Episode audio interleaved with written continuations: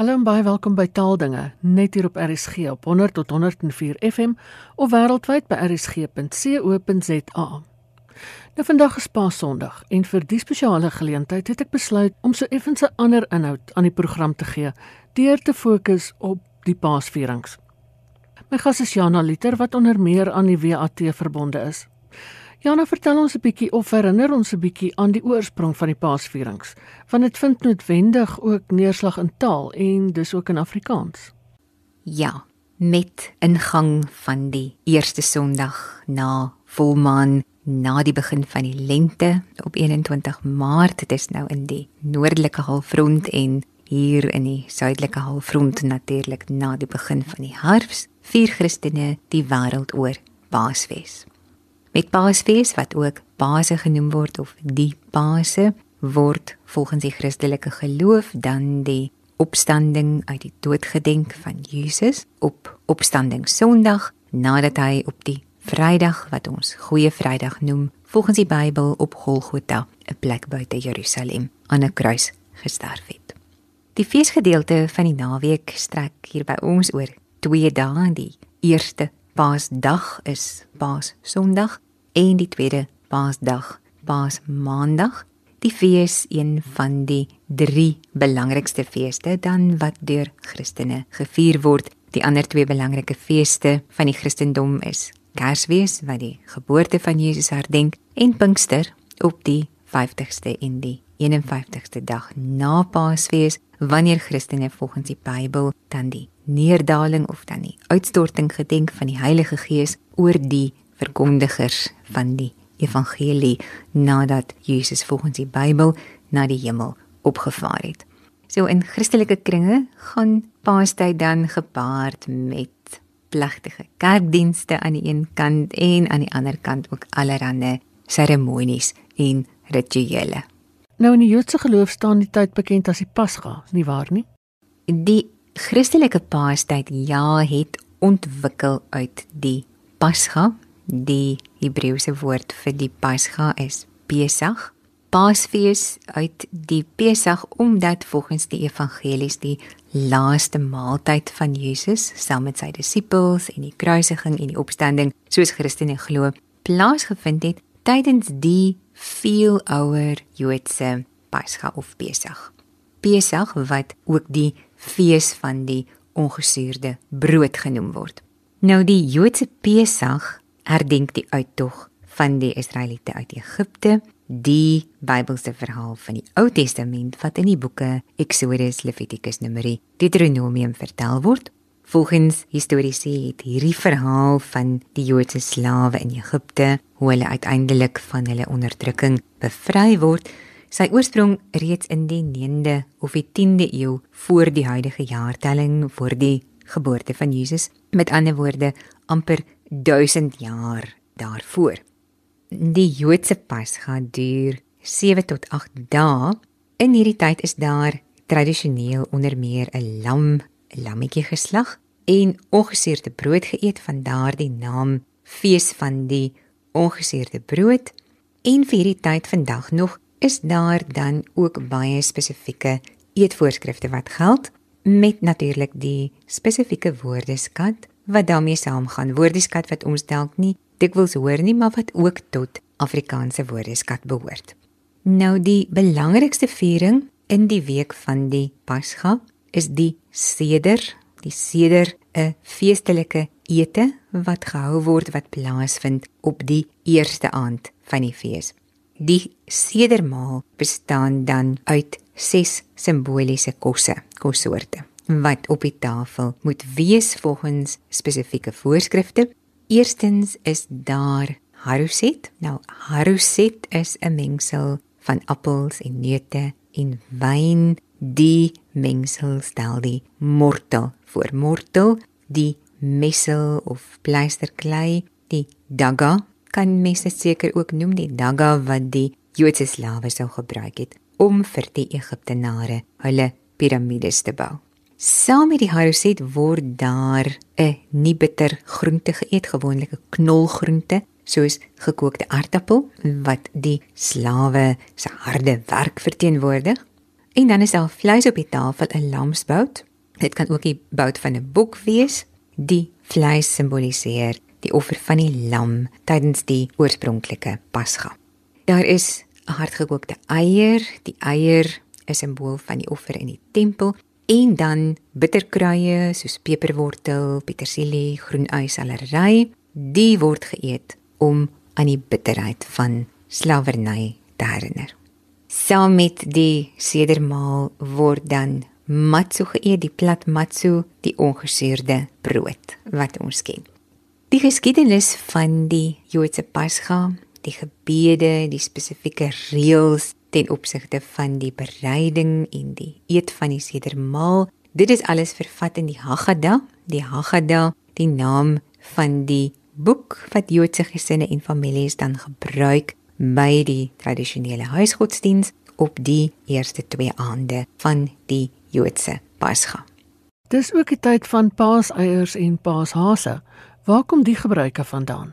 Ja, vir baie Christene en nie Christene en Jode en nie Jode is Paasfees vandag ook en jy laas dalk veral selfs 'n tyd van eiers en 'n tyd van hase en ander sjokolade lekkernye. Nou waar die eiers en die haas, die paashaas vandaan kom, nie nie uit die Bybel nie, ook nie uit die Joodse Bybel, die Torah nie, maar selfs van nog verder terug in die geskiedenis van die mensdom. Heel oue tradisie, um, nie die sjokolade nie, maar wel die eiers en die haas.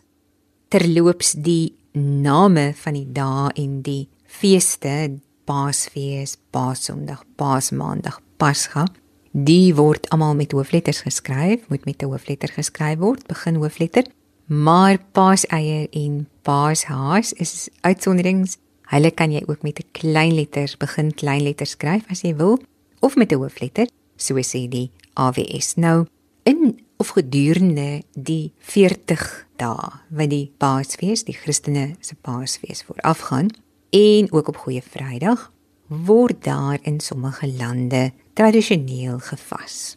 Die vastyd met beperkte dinge wat 'n mens mag eet, die vastyd word in Engels genoem Lent.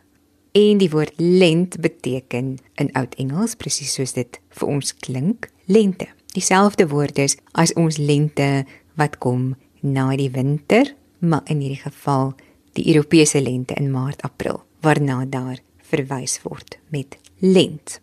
Die Paasvierings wat met hierdie lente tyd saamval, word in Engels Easter genoem, in Duits Ostern, en die Duitse woord Ostern is die meervoud van Ostara. En Ostara, volgens sommige onder andere Duitse taal en letterkundige Jakob Grimm, in Oudhoogduits Ostara, die naam van 'n Duitse godin die Duitse godin van die lente in vrugbaarheid. Haar naam was Ostara, sy word partykeer ook Iostra genoem of Iastre.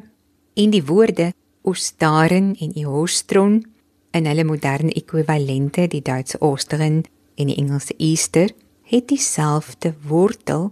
Albei die woorde en dis ook die naam van die godin Ostara gaan nog verder terug in die geskiedenis en is afgelei van 'n oergermaanse woord vir die ooste, ostron, wat op sy weer verwant is aan hulle Touse woord austra wat die aanbreek van die dag of dagbreek beteken. Ostgen was in Germaans die naam van 'n lentefees, die lentefees wat in die noordelike halfrond gevier is lank voordat die Christene daar aangekom het. Taalkundig lyk dit dus asof die fees genoem is na die opkoms of die terugkeer van die son na die lang koue Europese winter. Die lente, die tyd waarin die Europese Paasfees gevier word, die lente is natuurlik die tyd van nuwe lewe en in die vrugbaarheidsfeeste van die antieke mense en volke van die noordelike halfrond, die lande om die Middellandse See was onder meer die eier altyd 'n belangrike simbool. In die antieke Egipte en Persië het Egiptenare die Perse byvoorbeeld geglo die wêreld het uit 'n reuse eier uitgebroei. En hulle het dan vir mekaar eiers as geskenke gegee, eiers wat hulle op verskillende maniere mooi gekleur en geverf het. Daar is ou Poolse legende wat sê Maria, die ma van Jesus, dat sy eiers versier het om haar kindjie te vermaak.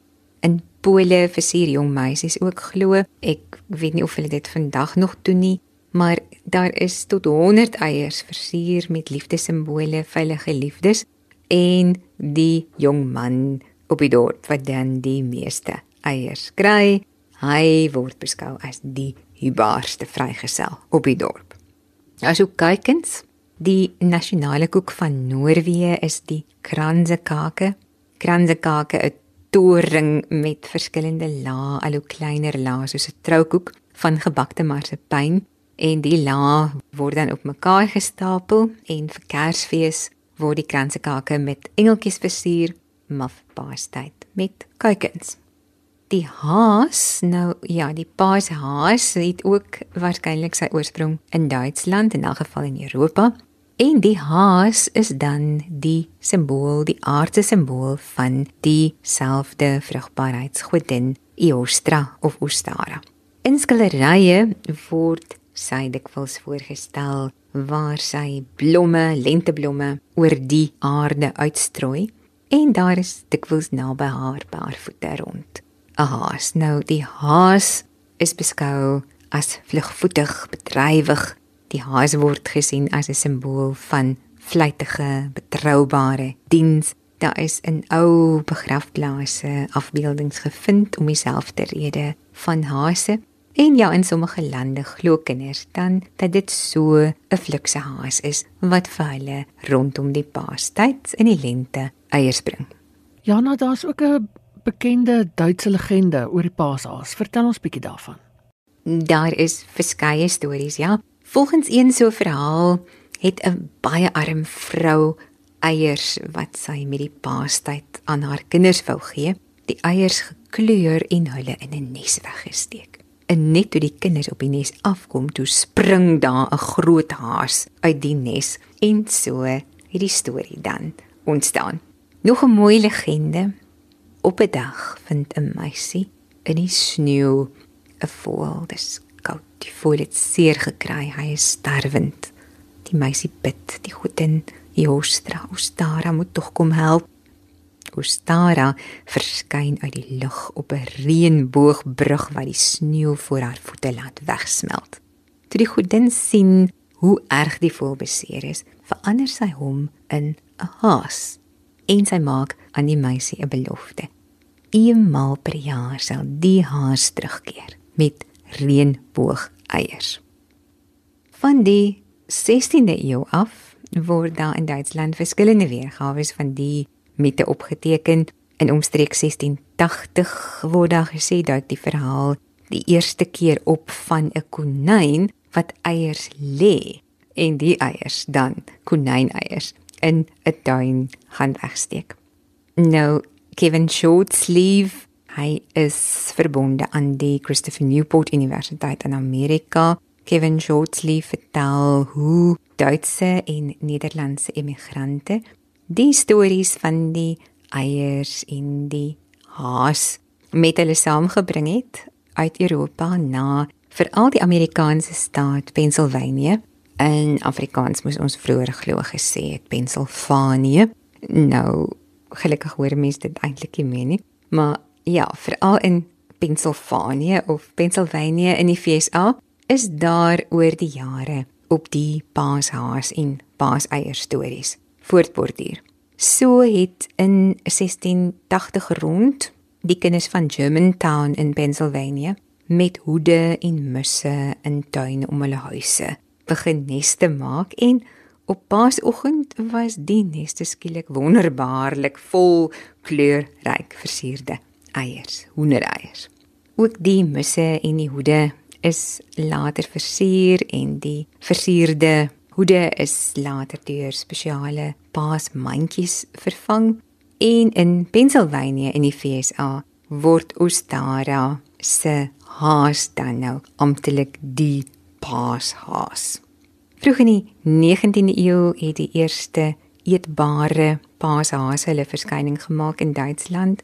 Eers hase van koek toe daar nog nie sjokolade in Europa was nie, die tradisie om sjokolade-eiers en sjokoladehase vir mekaar te gee, dit het eers 'n bietjie later gekom toe die kakaoboon van Sentraal en Suid-Amerika in Europa aangekom het en mense dan ook nou sjokolade leer ken en leer maak het. En vandag ja, vandag teel die sjokoladehase en dan vir al die eiers sommer heel jaar aan. So voel dit um, vir die mense deesdae in 'n supermark naby jou. En dan sal natuurlik nog iets wat met die tyd van die jaar verband hou en dis paasbolletjies. Brood, ja, brood was nog altyd deel van die paastydviering, paasbolletjies. Soos ons hulle ken, die geurende met gesgebakte bolletjies met die kenmerkende broodkruis daarop van daardie Engelse naam hot cross bun. Die broodjies is tradisioneel glo gebak 40 dae voor die begin van Paasfees, veral vir die Rooms-Katolieke en Anglikane se vastyd Lent, maar paasbolletjies vandag natuurlik ook so te sê heel jaar in die winkels te kry. Hier in die Kaap eet ons hulle natuurlik paasbolletjies in die paastyd veral tradisioneel saam met ingelegde vis en dan sommer die goeie Vrydag, Saterdag en Sondag vir breakfastmiddag en aandete. Nou ja, die gebruik om vis met Paasfees te eet, dit hou waarskynlik daarmee verband dat Rooms-Katolieke nie op goeie Vrydag vleis eet nie. Maar van die vis terug na die bolletjie oor die oorsprong van Paas broodjies, paasbolletjies. Daar is ook verskillende stories wat vertel word. Die geskiedenis van die spesifieke paasbolletjie wat ons ken word teruggevoer na die 12de eeu van die huidige jaartelling na die geboorte van Jesus toe 'n Anglikaanse monnik glo spesery broodjies gebak het en toe elkeen van die broodjies ter ere van Goeie Vrydag met 'n kruisie op die broodjie versier het. Nog ander verhale verbind paasbolletjies as simbool van die paastyd met allerlei bygelowe En sommige families glo word daar vandag nog, wie weet, een van die paasbolletjies weggesit gebare en dan gedurende die volgende jaar tot die volgende paastyd word hierdie droë bolletjie gehou en sou iemand daar in die loop van die volgende jaar siek word, is 'n bietjie van hierdie bolletjie in water gerasper en die krummeltjies in die water dan aan die sieke gegee om sy of haar herstel te bespoedig. Baie mense beskou paasbolletjies ook as 'n simbool van vriendskap, byvoorbeeld dat paasbolletjies wat 'n mens op Goeie Vrydag in jou huis ophang, 'n jaar van liefde en vriendskap waarborg in bose geeste dalk ook allerlei virusse en pestilensies van jou en jou mense sal weghou. Wat jy ook al glo, waar jy ook al is, mag jou Paasnaweek en jou Paasondag gelukkig wees. Dit was Jana Liter. Dis dan ook al vir vandag. Ek hoop jy het 'n geseënde Paasondag en dat jy dit in RSG se geselskap deurbring. daarmee groet ek dan. Bly veilig, bly gesond en van my Ina Strydom alles van die beste tot 'n volgende keer.